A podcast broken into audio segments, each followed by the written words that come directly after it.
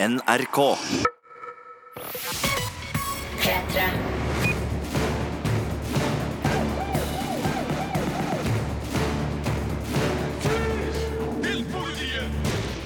Velkommen til en innholdsrik podkast fra oss i Filmpolitiet. Oss er Birger Vestmo, Og Sigurd Vik. og vi har sett de nye premierefilmene på kino. Jeg har sett eh, Hannah med Charlotte Rampling, Phantom Tread med Daniel Day-Lewis og Kills on Wheels med ungarske skuespillere som jeg ikke skal forsøke å uttale navnet på. Mens du, Sigurd, har sett eh, en film med et kjent navn på plakaten. Absolutt. Jeg vant stein, papir, sakse-runden internt på kontoret og fikk lov til å se Dwayne The Rock Johnson i hans nyeste actionfilm Rampage. I tillegg til premierefilmene skal vi innom en del interessante nyheter fra film- og serieverdenen.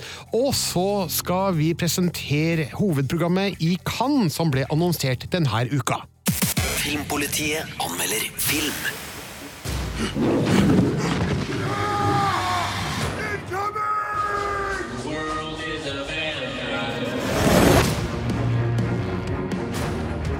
Hell of a day, huh? Science experiments falling from the sky. Having George on that plane is a big mistake. I think we'll be all right.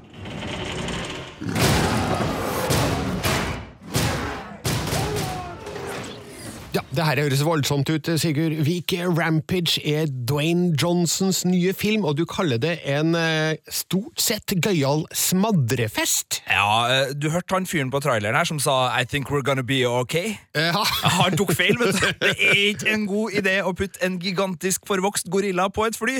Fytti rakkeren. Nei. Eh, Det her er en film basert på en spillserie, og spesielt da et arkadespill fra 80-tallet, eh, hvor det er en del dyr som blir utsatt for noen fæle kjemikalier, noen patogener, vokser seg enormt stor og går berserk. Denne gangen går turen mot Chicago, så det er den byen som smadres da på verst tenkelige vis.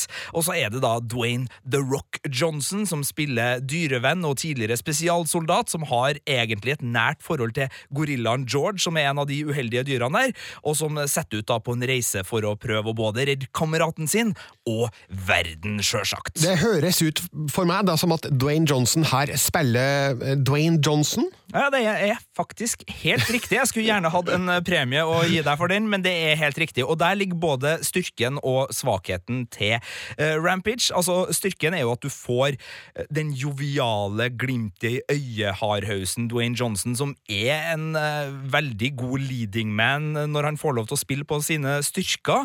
Altså, han er både eh, hardtslående og, og litt artig. Altså aldri veldig artig, men, men litt artig hele tida. Og så har han karisma, det er jo ikke noe, noe tvil om det. Uh, ulempen er at han er en sånn uh, som aldri viser sårhet. Altså, det virker som det er en sånn allergi. Altså, til og med når The Rock får ei kule rett i magen, så påvirker det eh, ikke han i det hele tatt. Han turer på med samme slagkraft, samme replikkhastighet, og, og alt er liksom bare greit. Og der for eksempel en mann vi elsker, Bruce Willis, han kan få det til å gå på glassbrott, til å bli noe han kan spille på. altså Han kan gjøre det til en greie. Han blir litt halvt, og han blir enda litt mer sint, og han liksom tar det innover seg. The Rock er bare The Rock. Men vil du, Sigurd, vil du leve i en verden der eh, Dwayne The Rock Johnson blir stoppa av ei lita kule i magen? ikke stoppa, men han kan godt liksom bli litt ekstra sint, eller bare liksom Å, fader! Å, det var den kula, dere husker den? Ja, jeg ble jo skutt, og det blir enda vanskeligere for meg nå. Altså, gi mannen litt motstand som faktisk betyr noe, tenker jeg kan gjøre at han blir litt mindre endimensjonal, for jeg syns han blir litt kjedelig utover i filmen. Men smaken uh, er som baken, så, så hvis du digger The Rock, så er det null stress med den her. Uh, sånn handlingsmessig så er de menneskelige skurkene litt kjedelige, og etter hvert som smadrefesten tiltar, så glemmer regissør uh, Ja, hva er regissørnavnet? Brad? Payton. Det er det. Han har laga San Andreas og en del andre ting. Han glemmer liksom handlingstroene sine litt når bygningene begynner å kollapse, men det har jo ikke så mye å si, så hvis du vil ha god, hard, høy underholdning til popkornbøtta, så er det helt realt å dra på kino og se Rampage. Terningkast fire. Filmpolitiet. P3. Filmpolitiet anmelder film.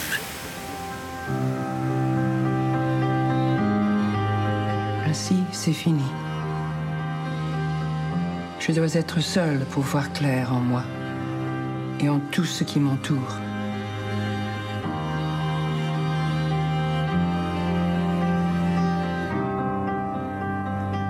Sais pas si tu reçois mes messages. Ça fait une éternité. Je suis encore ta mère. T'es pas la bienvenue ici. Hanna er en franskspråklig film innspilt i Belgia, men med en britisk skuespiller i hovedrollen, nemlig Charlotte Rampling. Veteran som har vært med helt siden 1960-tallet, og i nyere tid kanskje mest kjent for rolla i filmene eh, 45 år og Swimming Pool, samt rolla i serier som Dexter og Broadchurch. Det her er en klasseskuespiller, og hun er òg veldig god i eh, Hanna. Eh, og så syns jeg ikke at filmen er like god som skuespilleren. Nei, jeg ser eh, anmeldelsen din som ligger på nett. Der er åpninga grå, trist og kjedelig film, og du bruker også ord som saktegående og innadvendt, og jeg må ærlig innrømme, Birger, at eh, det er lite her som trigger min uh, filmnysgjerrighet. Eh, Hva, hva er det her for noe? Nei, altså Jeg skjønner jo at det her er en film som noen kan synes er ålreit, og det har vi jo sett på andre anmeldere også, at den har fått litt vekslende kritikker. Men den er Den forteller en så liten historie. Eh, Alt er skåret ned til beinet. sånn at for, meg, for meg er det for lite igjen da, til at det er noe her jeg kan engasjere meg for. Eh, Det handler da om en kvinne som heter Hanna, som eh, bor eh, sammen med sin eh, eldre ektemann. Eh, hun lever et stille liv. Det skjer ikke så veldig mye. Det eneste hun er med på, er en sånn teatersportgruppe. Eh, og så skjønner vi at eh, noe har skjedd eh, i livet deres. Eh, nærmere bestemt eh, ektemannen, som eh, rett og slett eh, går i fengsel. Og så vil ikke filmen fortelle oss akkurat hva som har skjedd her, og det, det hintes eh, nok til at vi skjønner tegninga, men eh, det her er et eh, veldig stille og innadvendt portrett da, av en kvinnes desperasjon og eh, fornektelse og forsøk på å gjenvinne fotfeste i livet, så det foregår ting her under overflata som er interessante, men eh, det, det blir gjemt så godt vekk da, at eh, jeg greier ikke å la meg interessere for det som skjer i Hanna. Nei, altså Fra to menn da som eh, for kort tid siden var ganske henrykt over action, smadring, The Rock osv. Er det vi som ikke er i målgruppa rett og slett her, Birger, eller er det en film som, som rett og slett er kjedelig for, for alle? Nei, eh, det, det kanskje det førstnevnte, tror jeg, for det er nok en film som vil fenge noen. Den har nok et publikum der ute, og spesielt de som elsker Charlotte Rampling, vil jo eh, kunne sette pris på en eh, strålende rolleprestasjon, for hun uttrykker veldig mye gjennom å gjøre veldig lite, eller tilsynelatende veldig lite. Så filmen har klare kvaliteter. Jeg syns bare at det ble for langtrukkent og monotont og ja, jeg kjeder meg, rett og slett, og man må jo være ærlig og si at eh, av og til så er film kjedelig, og for min del så var Hanna en slik film. Eh, men som sagt, jeg er åpen for at det finnes andre måter å oppleve denne filmen på, og at noen vil ha en mye bedre kinoopplevelse enn det jeg hadde. Men altså, jeg syns eh, Hanna, det ble Close but no cigar, for å sitere selveste Winston Churchill, som helt sikkert ikke tenkte på film da han sa det. Terningkast tre. Filmpolitiet. P3. Og så skal vi innom premierefilmen Phantom Tread. Filmpolitiet anmelder film. I feel as if I've been looking for you for a very long time. You look beautiful. Very beautiful. I have things I want to do. Things I simply cannot do without you. Reynolds has made my dreams come true, and I have given him what he desires most in return.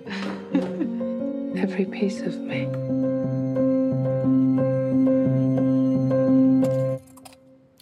Phantom Cred er regissert av Paul Thomas Anderson og har Daniel Day-Lewis i hovedrollen, og de har laga god film før.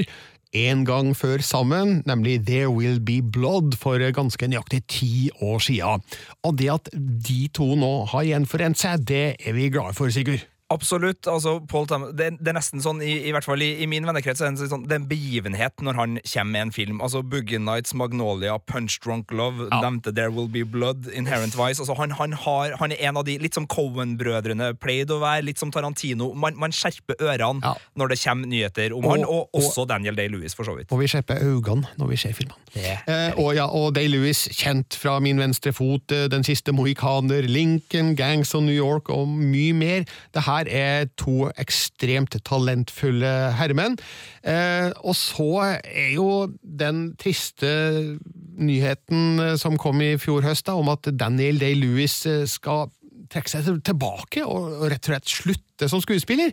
Eh, Den nyheten gjelder fremdeles. Det gjør han, og jeg bare tenker, det her er også den siste av de Oscar-nominerte filmene i år som har norsk kinopremiere. Jeg tenker bare for deg, Birger, Når du setter deg ned og skal se den filmen, her, for det er du som har, sett den, med alt det, liksom, du vet at det siste filmen til Daniel Day-Lewis, det her er en Oscar-nominert film, det er Paul Thomas Anderson. Eh, Hvordan er forventningene da, og hvordan var møtet med filmen? Eh, relativt store forventninger, og de ble innfridd, for det her er en skikkelig kvalitetsfilm. Et gledelig sterkt og elegant drama som lyser av klasse, og vi får et spennende portrett av en ganske kompleks eh, hovedfigur.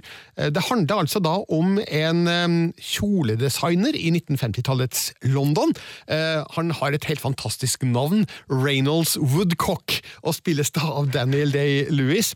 Han driver da et motehus på aller øverste nivå, sammen med søstera si, Cyril, spilt av Leslie Manville. Eh, Begge de to ble Oscar-nominert for sine roller. Eh, Han er ungkar, eh, svoren sådan, men så blir han fascinert av en ung, viljesterk kvinne som heter Alma, og som spilles av luxemburgske Vicky Creeps. Og hun blir da hans muse og elsker, og med hennes inntog i huset skaper friksjon og problemer, eh, fordi eh, Reynolds Woodcock, jeg må bare si navnet hans en gang til, Si det en gang til. Reynolds Woodcock. Eh, Han er en distansert herre med godt innarbeida vaner, om vi kan si det på den måten.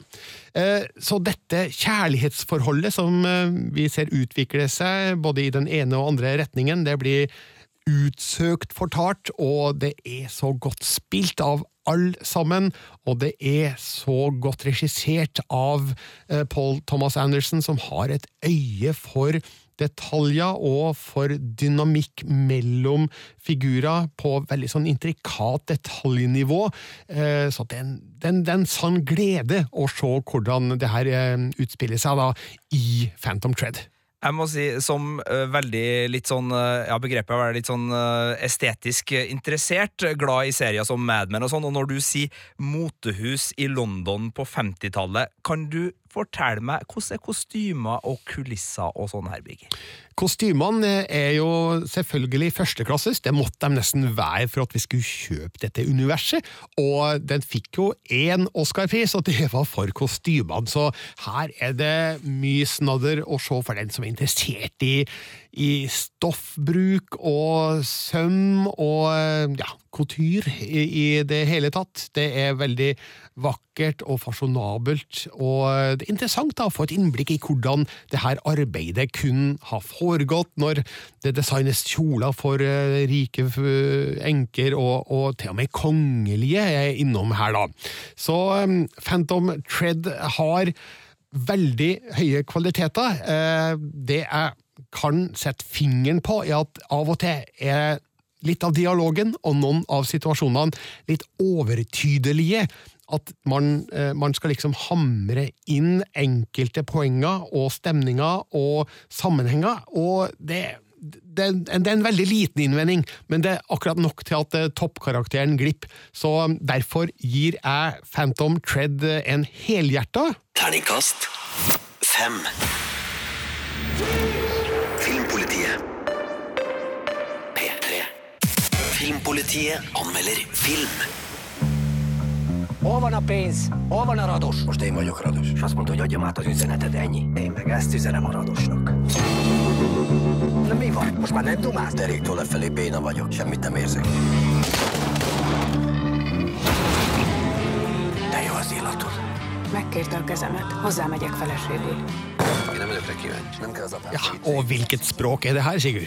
Det, altså, du mener hvilken dialekt? For språket er jo ungarsk, det hører jo alle. Men dialekten, skal vi se om jeg klarer å plassere Nei, det er helt riktig. riktig. Det er ungarsk eh, film det er snakk om. 'Kills On Wheels', eh, som ikke heter det på originalspråket. Den eh, heter noe som jeg med Google Translate har funnet ut er 'Med rent hjerte'. Men 'Kills On Wheels' høres kanskje litt kulere ut, da. Ja, det Høres ut som et ordspill på Meals on Wheels. eh. Tror du det? Jeg ja, det tror tror jeg også. Ja, ja, ja. Eh, Det er en sort humoristisk eh, film det her, om tre kamerater i rullestol som bor på en institusjon for funksjonshemmede. Eh, Og den ene av dem tar på seg ganske voldsomme oppdrag for en serbisk mafiaboss. Eh, Og drar med seg sine kompiser inn i det, og det setter dem alle i fare, da, for det her liker ikke den serbiske krimbossen. Jeg må jo, eh, altså, hvert fall en, eh, altså, Det er deler av meg som hadde kommet til å slått til hvis noen hadde kommet med det premisset til meg, sånn manusmessig, og sagt sånn Her er premisset for filmen. Ja. Har du lyst til å være med og støtte her videre? Jeg hadde jo sannsynligvis sagt ja. Ja, altså Det er et bra utgangspunkt. Det er ting å jobbe med her. eh, Og figurene er morsomme. De er tre ganske ulike personligheter. eh, Så eh, her er det gjort en del riktig. Men så burde filmen hatt et smartere manus, og den burde hatt bedre regi. For det, det, det flyten og finessen uteblir, og den lener seg litt for tungt på krimklisjeer. De, de prøver å kopiere eh, amerikansk film, og så greier ikke de det helt, og det er spesielt tydelig i actionscenene der det skal skytes og slåsses, at eh, det er ikke helt eh, av vanlig kvalitet, for å si det sånn. Og det er synd, for det er mye annet som er bra i, i filmen, eh, og det at det er snakk om tre funksjonshemmede, det gir dem jo et eh, annet sett utfordringer enn det funksjonsfriske har, og det gir jo spenningssekvensene en, en ekstra dimensjon. Mener du å si at den ungarske underverden ikke er handikaptilpassa, Birger? Jeg mener å si at den ikke er handikaptilpassa, det er helt riktig, Sigurd. Kills on Wheels eh, har også Nå skal jeg være forsiktig med hva jeg sier. Eh, den har eh, et overraskelsesmoment på lur, men så signaliseres det ganske tydelig veldig tidlig hva det er for noe. Sånn at når det avdekkes, så gir det ikke den eh, slagkraften som, som kanskje var meninga, og det, det er også en ting som er synd da med denne filmen. Så Kills on Wheels har flere gode tilløp, den har en del gode kvaliteter, men eh, den, den mangler en del på å komme helt opp i det øverste kvalitetsnivået. Så eh, derfor får Kills and Wheels en midt på treet. Terningkast tre. Filmpolitiet.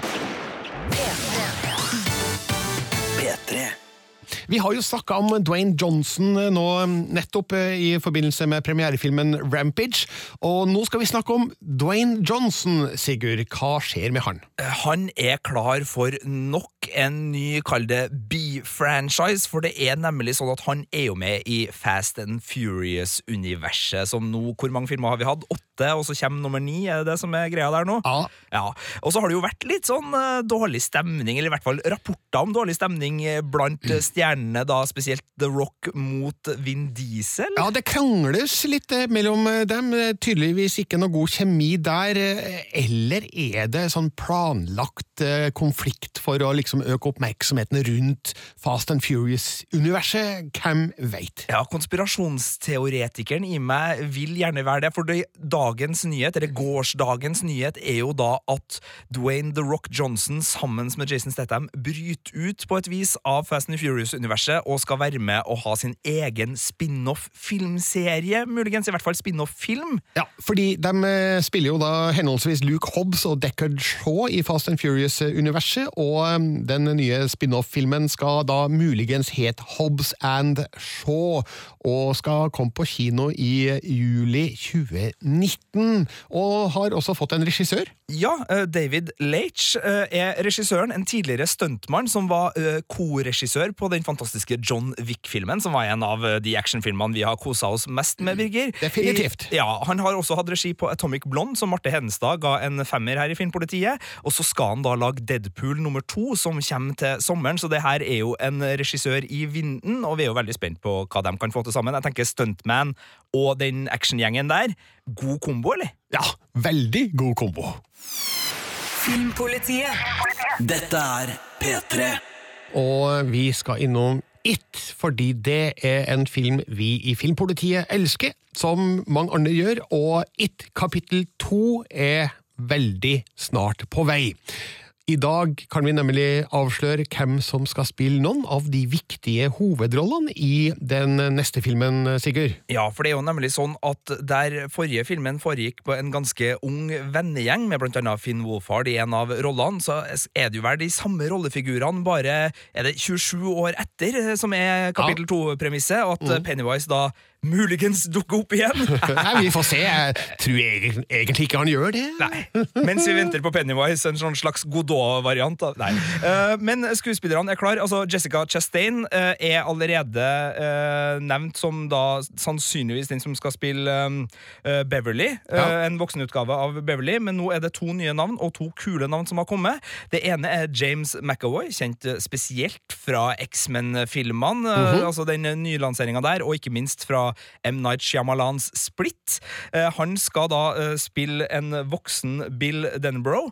Og så er det da Bill Hader, eh, en komiker kjent blant annet fra Barry, som går på HBO nå, som jeg ikke har sett, men som sies å være en ganske morsom komiserie, som da skal spille uh, eh, Richie Tossier, en uh, jokester who grows up to be a DJ, og det var da rollefiguren Finn Wolfhard spilte i eneren. Ja, du, jeg, jeg husker at disse unge skuespillerne de har jo uh, snakka litt om hvem de ser for seg skulle spille figurene deres som voksne.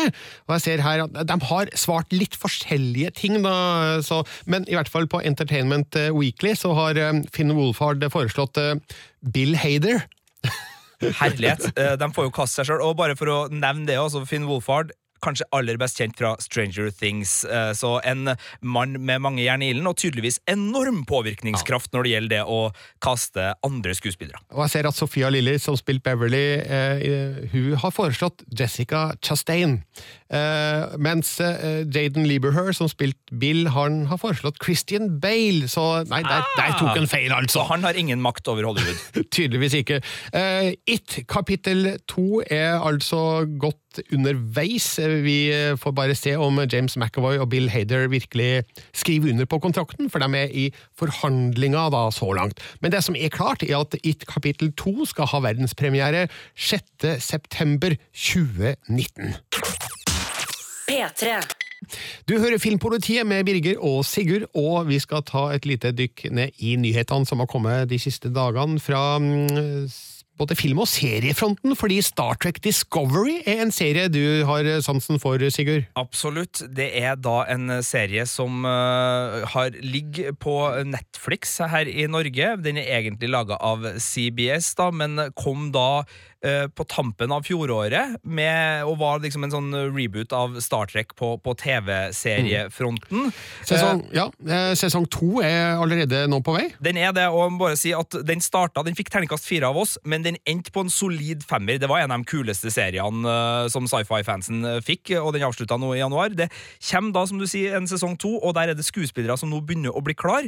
Uh, Anson Mount er klar for å ta på seg rollen som Christopher Pike, altså Captain Pike, som er en kjent figur fra Star Trek-universet. Og siste nyhet nå er at også komiker eh, Tig Notaro, som er kjent blant annet fra serier som Transparent og har hatt sin egen serie som heter One Mississippi.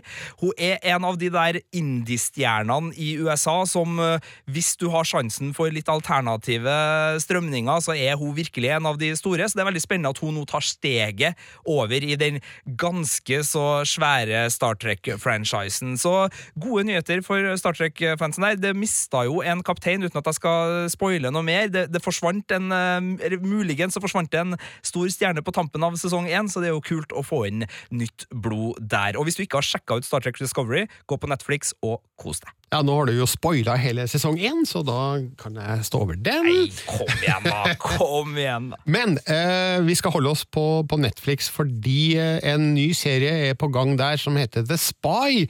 Og spionen her skal spilles av ingen ringere enn Sasha Baron Cohen, aka Ali G. Borat. Ja, ja øh, Jernteppe. Ja, jernteppe. Uh, men betyr det at det her skal bli en uh, komedieversjon av uh, The Spy? Det skal det nok ikke. Det er en dramaserie i sjangerbetegnelsen og skal handle om en legendarisk israelsk spion. Det skal være en seksepisoders serie her, og jeg må jo bare si spionserien står veldig sterkt denne våren. Vi har hatt Le Byrå, som NRK har slengt ut. Vi har hatt The American sesong 5. Vi har en ny sesong av Homeland som ruller og går. Vi har fått The Looming Tower med Jeff Daniels som ruller og går på Amazon Prime. Og så kommer da Sasha Baron Cohen og skal spille en legendarisk israelsk spion. Jeg kjenner det kribler, Birger, for jeg elsker spionserier. Ja. Eh, falløyden stor. Eh, potensialet enda større. Så det her kan bli kule greier. Ja, og, og eh, jeg ser at eh, Sasha Baron Cohen skal da spille en figur som heter Eli Cohen, så det her eh, blir jo nesten eh, Close to home, som det heter. Og, og Gideon Raff er eh, manusforfatter og regissør, som har eh, en fortid fra Homeland, så det borger jo bra, Bas- gjør det ikke det? Som var basert på en israelsk spionserie, så her blir, rund, her blir sirkelen slutta. Flere ganger. Filmpolitiet. På P3. Så har det tikka inn interessante nyheter fra Norsk Filminstitutt, som eh, har delt ut penger til kommende serieproduksjoner. Ja, det her er jo sånne mailer vi får hvor det ofte er litt vanskelig å se liksom, de store nyhetene, men, her- men her dukka det opp noen, noen serienavn som fikk eh, litt vann i, i munnen på oss. For det er nemlig sånn at eh, Rubicon har fått eh, 9,5 million i tilskudd til å lage en dramaserie som har arbeidstittel Framvandrerne for HBO Nordic, og serien skal handle om hva som skjer når mennesker fra forskjellige tidsepoker fremvandrer til Norge i nåtid. Så vi vet ikke mye her, men at HBO Nordic får norsk serie. Ja. Og så er det jo da to serier vi er i hvert fall delvis veldig glad i, som har fått, eller fått tilskudd til nye sesonger. Må si at det er ikke sikkert nye sesonger blir laga sånn helt sikkert, men Heimebane Sesong to har fått uh, over tre millioner i tilskudd, så det ser jo lovende ut for dem som digger heimebane, Jon Carew, Ane Dahl Torp osv. osv. Jeg er i hvert fall veldig med på den serien hver bidige søndagskveld. Uh, og så er det da sånn at Okkupert, denne serien uh, som er basert på en idé av Jo Nesbø, hvor Russland tar over en skyggeregjering i Norge, også er tildelt for en sesong tre. Så der er det muligheter for å følge sine favorittserier videre. Herlig. Vi tar gjerne imot flere gode norske serier, så her er det bare å strø pengene rundt. P3. Denne uka ble årets Cannes-program annonsert, og eh, Cannes-programmet er viktig fordi det her er verdens største filmfestival, med filmer på programmet som vil sette sitt preg på eh, kinoprogrammet hele det kommende året, for eh, filmer som vises i Cannes har premiere så sent som opptil ett år etterpå. Ja, nesten mer sannsynlig at det får premiere på høst og, og vinter enn rett etter Cannes, eh, vil jeg si. I hvert fall hvis det er litt sånn mindre filmer som kjøpes opp av de mindre norske filmdistributørene, fordi eh, de trenger litt lengre tid på å planlegge markedsføring og, og sånn. Men eh, det er alltid knytta stor interesse til hvilke filmer som eh, ender opp i hovedprogrammet i Cannes, altså de som kjemper om den gjeve gullpalmen, og nå, nå vet vi hvilke filmer det er snakk om. Og det ble sagt tidlig i pressekonferansen i Paris eh, denne torsdagen at eh, mange kom til å bli litt overraska, fordi eh, programmet er full av eh, nye filmskapere. Er det er hele åtte debutanter her, samt at en del av de vanlige navnene, hvis vi kan si det, ikke er med som noen kanskje hadde forventa. Vi skal komme nærmere tilbake til hvilke det er snakk om litt senere. Skal vi først gå gjennom de filmene som er annonsert til nå i hovedprogrammet? Kjør på, Birger. Åpningsfilmen er Everybody Knows av Askar Farhadi, iransk eh, filmskaper, som nå har laga en spansktalende film med Penelope Cruz og Javier Bardem i eh, hovedrollene. Den, den handler om eh, spanske Carolina som bor i Argentina med sin argentinske mann. De drar på besøk til Carolinas familie i Madrid, og der kommer det hemmeligheter til overflata. Det er det synopsiset vi har da om Everybody Knows, som altså åpner hele Cannes-festivalen og har eh, sikkert da litt stjerneglans i form av eh, frøken Cruz og herr Bardem, eh, som skal gå den røde løperen. Over til mm, eh, de andre i hovedkonkurransen. Eh, Jean-Luc Godard eh, laga jo filmen Min venn Pierrot i 1965, som er utgangspunktet for årets Cannes-plakat. Det er jo en ny plakat hvert år, og eh, årets motiv er henta fra en scene fra den filmen. Eh, og så er det morsomme her at eh, Godard han har også en film i årets hovedprogram. Den heter The Image Book på, på engelsk.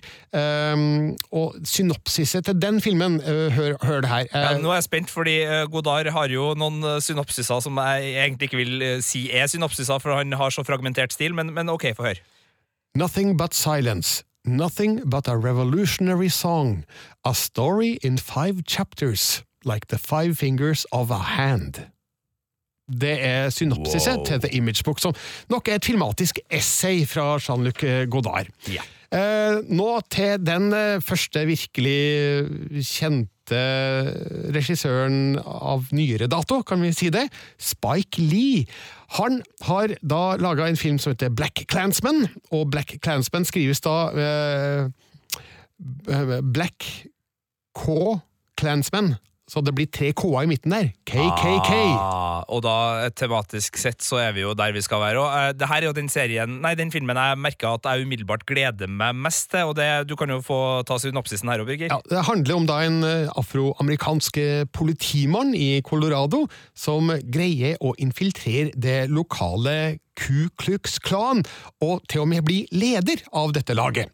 Eh, hovedrollen spilles av John David Washington, mens andre roller spilles av Adam Driver og Topher Grace, som også er ganske kjente personligheter. Ja, og uh, det her er et, en, et spennende sammensatt rollegalleri, merker jeg. Altså, Adam Driver gjør lite som er dårlig, Uh, hvis jeg kan øh, få lov til å mene det med, med Ja, det mener jeg. Uh, jeg har ikke sett han gjøre noe dårlig som jeg kommer på. Ikke jeg heller. Uh, Topher Grace er litt mer usikker på, men eh, han har såpass stor stjerne fra That 70's Show, hvor han spiller Eric Foreman fremdeles i min bok, så han er, er innafor. Men eh, Spike Lee og Adam Driver, det, det er en god kombo. ass. Veit ikke hvilke roller Driver og Grace skal spille, men det ligger kanskje i kortet at de skal spille klansmenn. Jeg vet ikke, vi får se, men jeg tror nok at de kan fikse den biffen. Topher Grace skal vi faktisk komme tilbake til litt senere, Sigurd, så bare vent. Um, vi var innom um, Askar Farhadi i sted. Eh, vi skal til en annen iransk filmskaper som heter Jafar Panai. Han deltar i hovedkonkurransen med Three Faces. Og eh, det er da slik med Panay at han sitter i husarrest, og nå har Cannes-festivalen eh, skrevet et brev til iranske myndigheter og eh, spurt om ikke de kan la Jafar Panay få reise til Cannes-festivalen, presentere filmen og få lov til å reise hjem igjen. Så får vi se om det da faktisk skjer. Eh, polske Pavel Pawlikowski deltar med Cold War. Eh, han er jo mannen bak den eh, trolig spennende filmen Ida. Som ble filma i sort-hvitt, i firkanta format. Veldig stilrent utført. Cold War er en eh, pasjonsfylt eh, kjærlighetshistorie eh, med 1950-tallets kalde krig i Polen, Berlin, Jugoslavia og Paris som bakteppe, og jeg håper jo nesten at han har begått enda en sort-hvitt-film, da, for det var så utsøkt gjort da i Ida. I mitt hode så er det her en sort-hvitt-film uh, umiddelbart, uh, merker jeg. Høres ut som det, men jeg vet ikke om det er det, altså. Leto er en film av Kiril Serebrennikov, eh, regissøren bak Disippelen, som gikk på kino for ca. et års tid siden i Norge. Litt over det. Eh, det er en historie om rock, kjærlighet og vennskap i Leningrad i 1981, året da undergrunnsrocken blomstra der inspirert av blant annet Led Zeppelin og David Bowie. Det er kult. Det er kult. Eh, bra navn her, så i hvert fall hvis eh, det er referansepunktene som filmen forholder seg til, så ser jeg gjerne Leto i hovedprogrammet. Eh, vi går videre i alfabetisk rekkefølge, som observante lyttere kanskje allerede har lagt merke til. Den neste filmen heter Lazzaro Felice, og er regissert av Alice Rohrwacher. Italiensk regissør, kjent for eh, miraklene i Toskana, som vant eh, Grand Prix i Cannes i 2014, som er en av de gjeve prisene nedi der. Eh, Lazzaro Felice handler om en mann som lever i samfunnets ytterkant og reiser 50 år i tid, eh, uten at filmen beskrives som en science fiction-affære. Det er det vi vet da om Lazzaro Felice så langt. Og nå kommer vi tilbake til Topher Grace, fordi han spiller en av rollene i Under the Silver Lake, som er den nye filmen eh, fra David Robert Mitchell, mannen bak It Follows, som var en av de store Cannes-suksessene for noen år tilbake. Eh, Andrew Garfield spiller hovedrollen som en mann som blir fascinert av en forsvinningssak, og prøver å løse den sammen med kameraten sin, spilt av Topher Grace. Så to Cannes-filmer i samme år, det må jo være litt av en double whammy for Mr. Grace. Eh, Absolutt, absolutt. Og, og spennende å se Andrew Garfield igjen. Den tidligere Spider-Man eh, har ikke jeg sett som jeg kommer på i det siste. Uh, Hacksaw Ridge var vel den siste store filmen var han var med i. Eh, alltid en interessant mann å se på film, så nei, jeg tror at dette lover godt det for Under the Silver Lake i hovedkonkurransen i Cannes. Kan vi ta med at vi likte vel It Follows begge, vi to ganske så godt, eh, Birger? Absolutt, absolutt. En høydere det, eh, for eh, er det tre eller fire år siden? Eh, tre, eh, det kan ikke være mer enn tre år siden. I hvert fall, ja, det, var, det var noen år siden. det er noen år siden. Eh, videre i hovedprogrammet i Cannes. Eh, nå sa jeg i sted at vi går eh, alfa, i alfabetisk rekkefølge. Nå, nå ser jeg at eh, det gjør vi jo definitivt ikke. Eh, så eh, neste film heter Capernaum, med C. Aha. Så glem det jeg sa om alfabetisk rekkefølge. Vi tar alt på nytt, ja. ja. Nei, vi går, går bare videre. Capernaum er en film av Nadine Labaki, en libanesisk skuespiller som har blitt regissør. Dette er hennes tredje film, og beskrives som en politisk samtidsfabel om et barn som går til rettssak i protest mot livet det er satt til å leve. Det er det litt kryptiske synopsiset jeg har å komme med av Capernaum. At War, eh, det er da den nye filmen fra, fra Stefan Brisset handler om industriarbeidere som forsøker å redde jobbene sine når ledelsen vil legge ned hele Sørlandsmitten. Eh, hovedrollen spilles av Vincent Lindau, som vant Gullpalmen i Cannes i 2016 for hovedrollen i Markedets lov, som òg ble regissert av Stéphane Brisset. Så det her er en regissør og en skuespiller som tydeligvis har funnet tonen, og At War er den engelske tittelen åpenbart på deres nye franske film. Japansk film er også med i hovedprogrammet. Asako 1 og 2 av eh, Ryusuke Hamaguchi. Det er en japansk nykommer, det her. Eh, Filmen handler om Asako, som forelsker seg i en mann som plutselig forsvinner. Eh, To år seinere så møter hun en mann som ligner veldig på den første, men har en helt annen personlighet, og så forelsker hun seg i han også. Det er det jeg vet om eh, Asako av eh, Ryusuke Hamaguchi. Sorry Angel er en eh, film av Christophe Honoré. Eh, fransk film, eh, som da selvfølgelig da ikke heter Sorry Angel eh, på fransk, men jeg bare tar de engelske titlene for å slippe å forholde meg til uttale som jeg ikke kan. Um, den handler om Jacques, som er forfatter i Paris, eh, og som mistenker at livet har passert eh, toppen, mens eh, Arthur er student i Bretagne, som nekter å tro at noe er umulig. Og Synopsis jeg sier at disse to vil like hverandre, akkurat som i en nydelig drøm, akkurat som i en trist historie. Litt sånn småkryptiske kryptiske beskrivelser av disse kantinene. Mye kryptiske og mye sånn lett poetiske, og, og mye, mye enten eh, litt sånn triste kjærlighetshistorier eller litt sånn grell samfunnsrealisme, føler jeg så langt i programmet, men, men fortsett, fortsett. Dogman er også i hovedprogrammet av eh, Matteo Garone, italiensk regissør bak Gomorra og Reality. Sistnevnte film vant eh, Grand Prix i Cannes i 2012, og Dogman beskrives som et hevndrama i Romas krimbelasta utkant. Ja, det her er for meg, hører jeg. Den er god. Ja, takk Glad til i, i alt som har med Gomorra å gjøre. Både, ja, ja, ja, ja. Uh, Girls of the Sun er en uh, fransk film av Eva Hussaud. en uh, debuterende regissør. Filmen handler om en kvinnelig kurdisk kriger som kjemper for å ta tilbake kontrollen over landsbyen, som ble overtatt av ekstremister. Jeg får litt sånn Le Byrå-vibba av det, for det er jo en figur der som er akkurat likedan. Men uh, det her er altså en, en, en helt ny film, der hovedrollen spilles av uh, goldskiftet Farahani, kjent fra Ridley Scotts Exodus, Gods and Kings. Hun spilte mot Adam Driver i um, i Patterson, og hun spilte også i den siste Pirates of the Caribbean-filmen, Salazar's Revenge. Ah, som har norske regissører. Så får vi skyte inn. Det er viktig Helt- å si norske korrekt. ting etter hvert som det dukker opp. Ja. Og, og Patterson-filmen er jo regissert av Jim Jarmers, og anbefales, oh. anbefales på det varmeste. Tenk deg hvis Jim Jarmers sine filmer fikk lov til å bare gå kontinuerlig på kino hele tida. Da hadde jeg vært en veldig lykkelig fyr. Da hadde verden blitt et bedre oh, sted, rett og slett. Mye bedre. Det er fire filmer igjen i hovedprogrammet i, i Cannes. Det er Jumedin av AB Shovki, som er en egyptisk film. Den handler om en spedalsk eh, søppelsamler som eh, forlater leiren han har bodd i i hele livet. En leir for spedalske, da. Eh, Han eh, legger ut på en ferd med sin foreldreløse lærling og en apekatt for å lete etter familien sin. Og eh, når han for første gang beveger seg utafor denne leiren for spedalske, så får han for første gang føle hvordan det er å være en outsider ut i eh, samfunnet.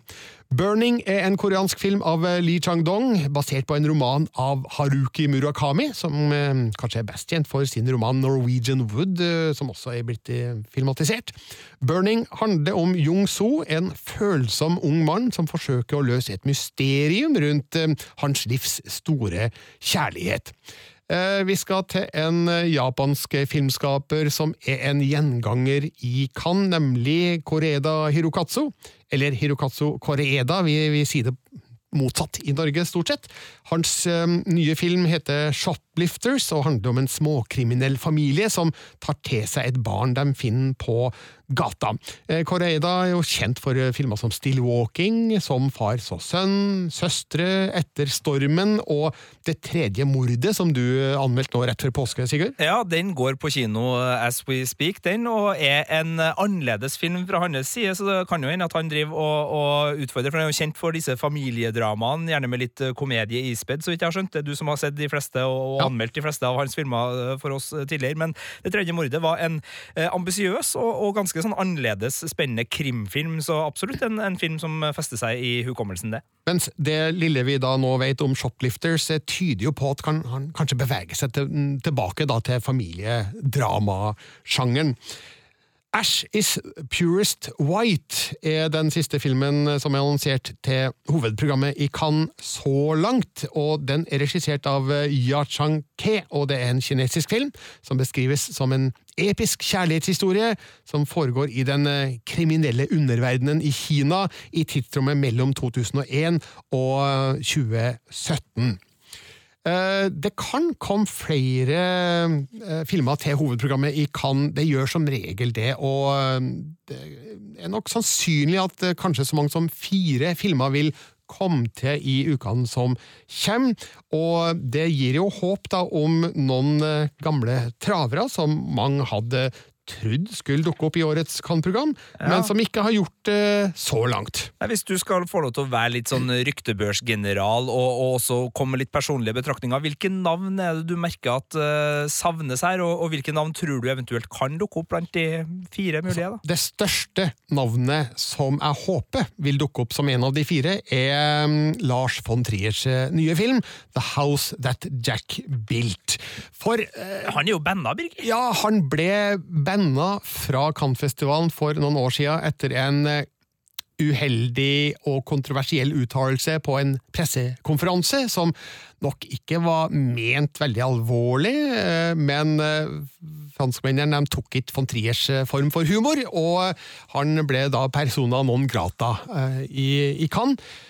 Man håper jo at han skal bli tatt inn i varmen igjen nå, da, med The House That Jack Built. Eh, han ble ikke annonsert nå, og eh, vi vet jo ikke om det skyldes at eh, han fremdeles er barnelyst, eller om uh, Cannes-festivalen rett og slett ikke syntes filmen var interessant nok. Men kanskje er han en av de fire som blir annonsert på et senere tidspunkt.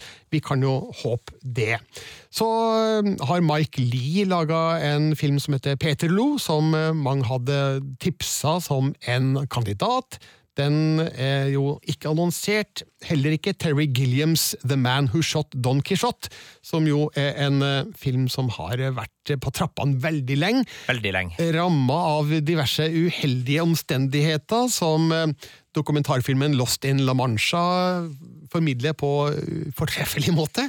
Eh, Nå er det skjær i sjøen fremdeles for filmen som er ferdig innspilt, og den er vel kanskje så godt som ferdig eh, klippa og, og eh, kun har vært med i Cannes, men det er en rettslig disputt mellom en tidligere produsent og eh, det nåværende produksjonsteamet bak eh, The Man Who Shot Don Quijote, som gjør at filmen kanskje kan få problemer med å bli tatt ut til filmfestivalen i, i Cannes. Vi får se. Men den kommer nå, i hvert fall.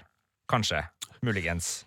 På kino en gang. den, den, den kommer til å komme på et eller annet eh, tidspunkt, men uh, om uh, det er akkurat nå i mai, vil tida vise. Jeg vil uh, si at det her sannsynligvis kommer til å bli en Blu-ray med veldig mye ekstramateriale når den endelig Sannsynligvis det. Eh, mange hadde også tippa at Jacques Audiard sin nye film The Sisters Brothers skulle få innpass. Det har den foreløpig ikke gjort, og heller ikke The Death and Life of John F. Donovan, den nye filmen fra Cannes-darlingen Xavier Dolan, kjent for filmer som Lawrence Anyways, Mommy og It's Only The End of the World. Nå ble det sagt på pressekonferansen eh, fra Cannes-festivalens side at eh, de hadde sett filmen, og at den var aktuell, men at Xavier Dolan eh, han foretrakk å gå tilbake i klipperommet og jobbe videre på filmen, for å kunne eh, ha premiere på den til høsten, kanskje sånn strategisk med tanke på at den er en Oscar-kandidat, for det er jo ganske godt kjent at filmer som har premiere mot slutten av året, har større muligheter til å hevde seg i Oscar-sammenheng enn filmer som eh, har premiere tidlig på året. ja, ble jo bevist da blant annet ved at øh, Ruben Østlunds uh, siste film, The Square, vant i Cannes, men ikke vant Oscar. Ikke Nemlig. bevist, ikke bevist, men det skjedde nå i hvert fall. Men det er jo riktig, det. Eh, Jeg bare tenker på, Det sier jo litt om standingen hans når det her nevnes på en pressekonferanse. Altså det, er vel, det er vel ganske mange filmer som liksom ligger i den bobla, men når da en pressekonferanse tar opp en film som sannsynligvis da ikke skal med, og forteller hvorfor, så sier det jo noe om at det her er en kjæledegge fra Cannes-juryens side, tenker jeg, da, eller Cannes-sjefens side. Det tenker jeg også, så Xavier Dolan har nok ikke gjort eh, sin siste Cannes-film, men det blir i hvert fall ikke The Death and Life of John F. Donovan. Noe annet som mangler i Cannes, er Netflix, som jo deltok i fjor med to filmer i hovedprogrammet. Okja og The Meyerowitz Stories. Begge veldig gode filmer, men eh, det ble bråk i fjor eh, fordi eh, den franske kinobransjen spesielt de var ikke fornøyd med at filmer fikk delta i hovedprogrammet uten å ha vanlig kinopremiere i Frankrike. Nei. Det er, det er jo en krangel det der på, som har dukka opp på flere arenaer. Altså Steven Spielberg har også vært ute og uttalt seg om det her. Altså Det gjelder da uh, filmer som lages for TV-skjermen, eh, kontra filmer som lages for kinolerretet.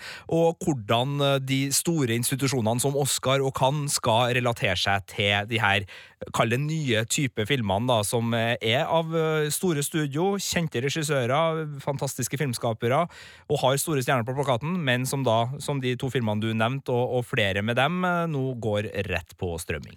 Det er ganske strenge lover i Frankrike, visstnok, eh, det- når det gjelder kinofilm. Eh, Filmer som har premiere på kino, kan ikke ha digital premiere før 36 uker etter kinopremieren. Eh, Det, det hørte jeg på en podkast fra Film eh, Daily eh, i går, og da håper jeg at det er riktig.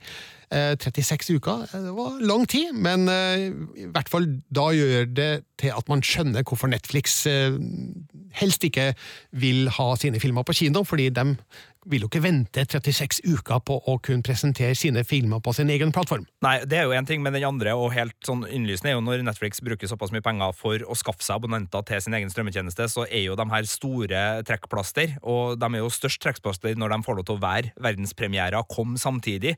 Eh, Så det er jo klart, for Netflix så er det jo ugunstig at store markeder skal eh, da ikke få, få ha Netflix som den foretrukne filmen. For selv om det hadde kommet parallelt, så ville jo mange gå på kino og se de her filmene, så for Netflix sin forretningsmodell så er det jo godt å, å få det inn samla. Så Cannes-festivalen har innført en regel som eh, ja, eh, rett og slett eh, banner Netflix-filmer fra festivalen.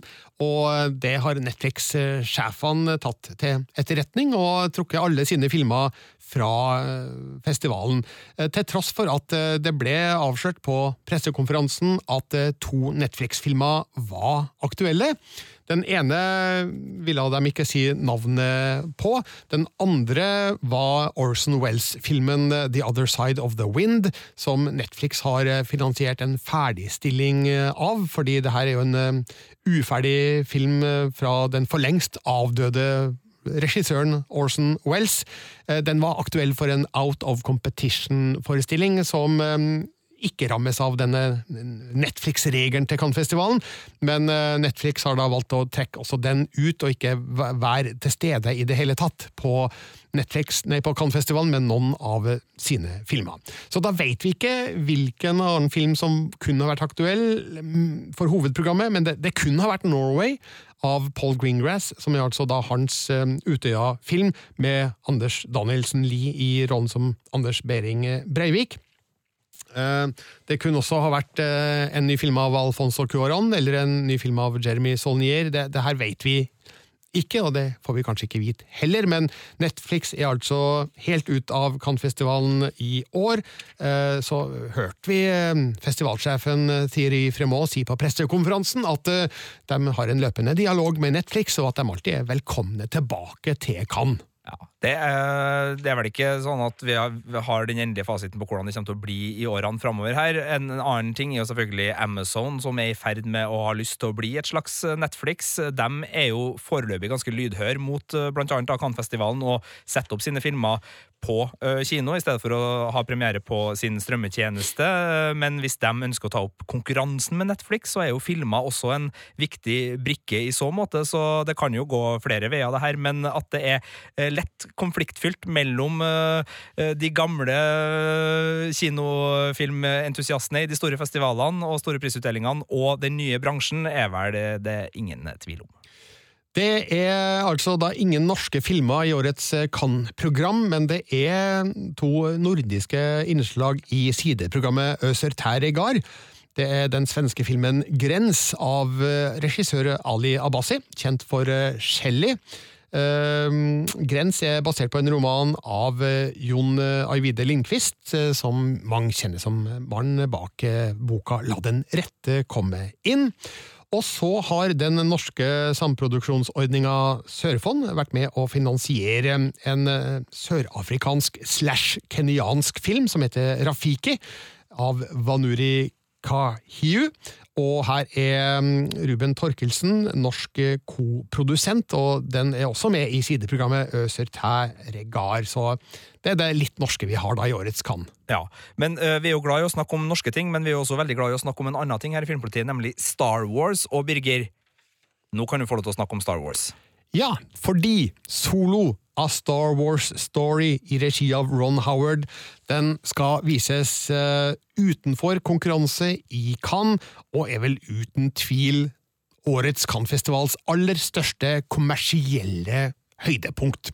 Det er ikke første gang at en Star Wars-film har blitt vist i Cannes, men det er lenge siden sist gang. Jeg har ikke vært med på det, i hvert fall, så det skal bli skikkelig spennende å se Solo A Star Wars Story ca. en ukes tid da, før den slippes eh, ut i resten av verden. Så jeg skjønner jo at det her er et veldig bra tidspunkt da, for filmen å, å vises eh, for første gang på, og under selveste Cannes-festivalen. Da, da, er det jo glitter og stas, og jeg regner med at flere av de kjente skuespillerne i filmen vil troppe opp og være med. og eh, Jeg er jo spent på om Kanskje Harrison Ford dukker opp for å være med og hjelpe til litt og dra opp stemninga? Hvem vet?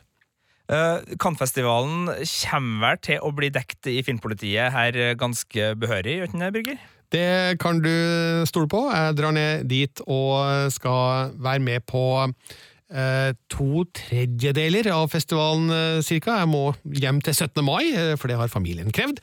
Eh, Men jeg skal få med meg det aller meste av det som skjer før den tid. og Det blir eh, anmeldelser og intervjuer og eh, reportasjer både på P3NO Filmpolitiet, her i denne podkasten, og på radio da hver fredag. Ikke hver fredag, da, men i hvert fall eh, den, de to fredagene under festivalen mellom klokka ti og tolv. Så da får man vite hvilke filmer som hevder seg i konkurransen om Gullpalmen, hvilke stjerner som glitrer mest på den røde løperen, og hvilke fester som stiller med den eh, største mengden champagne. Ja, og jeg er jo imponert. Eh, I fjor så kom du jo tilbake med noen selfier med Elisabeth Moss, og det var, det var mye, så jeg regner jo med at du og stjernene blir liksom det som kommer til å prege mine sosiale mediestrømmer og, og ellers Ja. nrk.no og Nå, alt det der. nå er det sånn at jeg jeg driver ikke så mye med selfies med stjernene, for det er litt sånn uh, uprofesjonelt. Men uh, det er riktig at i fjor så eh, det, det, det, bare Landet lå slik at det var naturlig å be Elisabeth Moss om en selfie, og eh, jeg tror ikke at eh, Hvis det skal skje i år, da, så må det vel bli med Penelope Cruz fra åpningsfilmen. Filmpolitiet.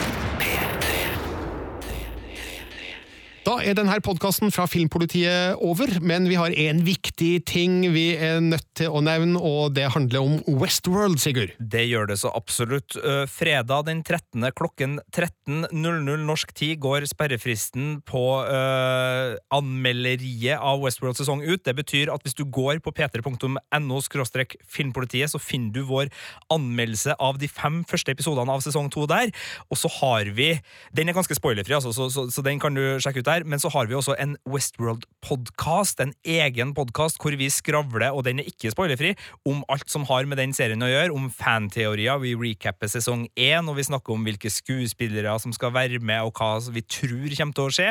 Så hvis du er Westworld-fan, hvis du elsker å, gruble på hva det er som egentlig foregår i den verden, så sjekk ut Filmpolitiets Westworld-podkast. Og så er det da 23. april, åh, altfor lenge til, 23. april som er premieredatoen på HBO Nordic på Westworld sesong 2. Men eh, vi tjuvstarter litt. Første episode er allerede ute, så sjekk ut den podkasten hvis du er Westworld-fan. Om en uke er vi tilbake med en ny podkast. Da anmeldes premierefilmene Death Wish, Loving Vincent og Mountain.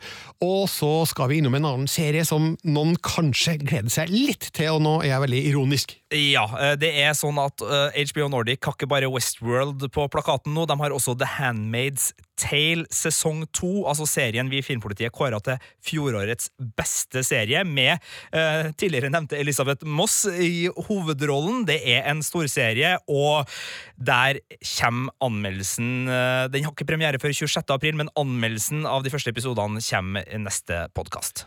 Les alle våre anmeldelser på p3.no Filmpolitiet. Send oss gjerne tips eller spørsmål eller reaksjoner på filmpolitiet at nrk.no. Du kan også gjerne legge igjen en rating og en kommentar der du henter denne podkasten, slik at vi har sjanse til å nå enda flere med det glade budskap om film og serier. Det er riktig, og hvis du har spørsmål, kommentarer, ris eller ros, kan du også sende oss en e-post på filmpolitiet alfakrøll.nrk.no.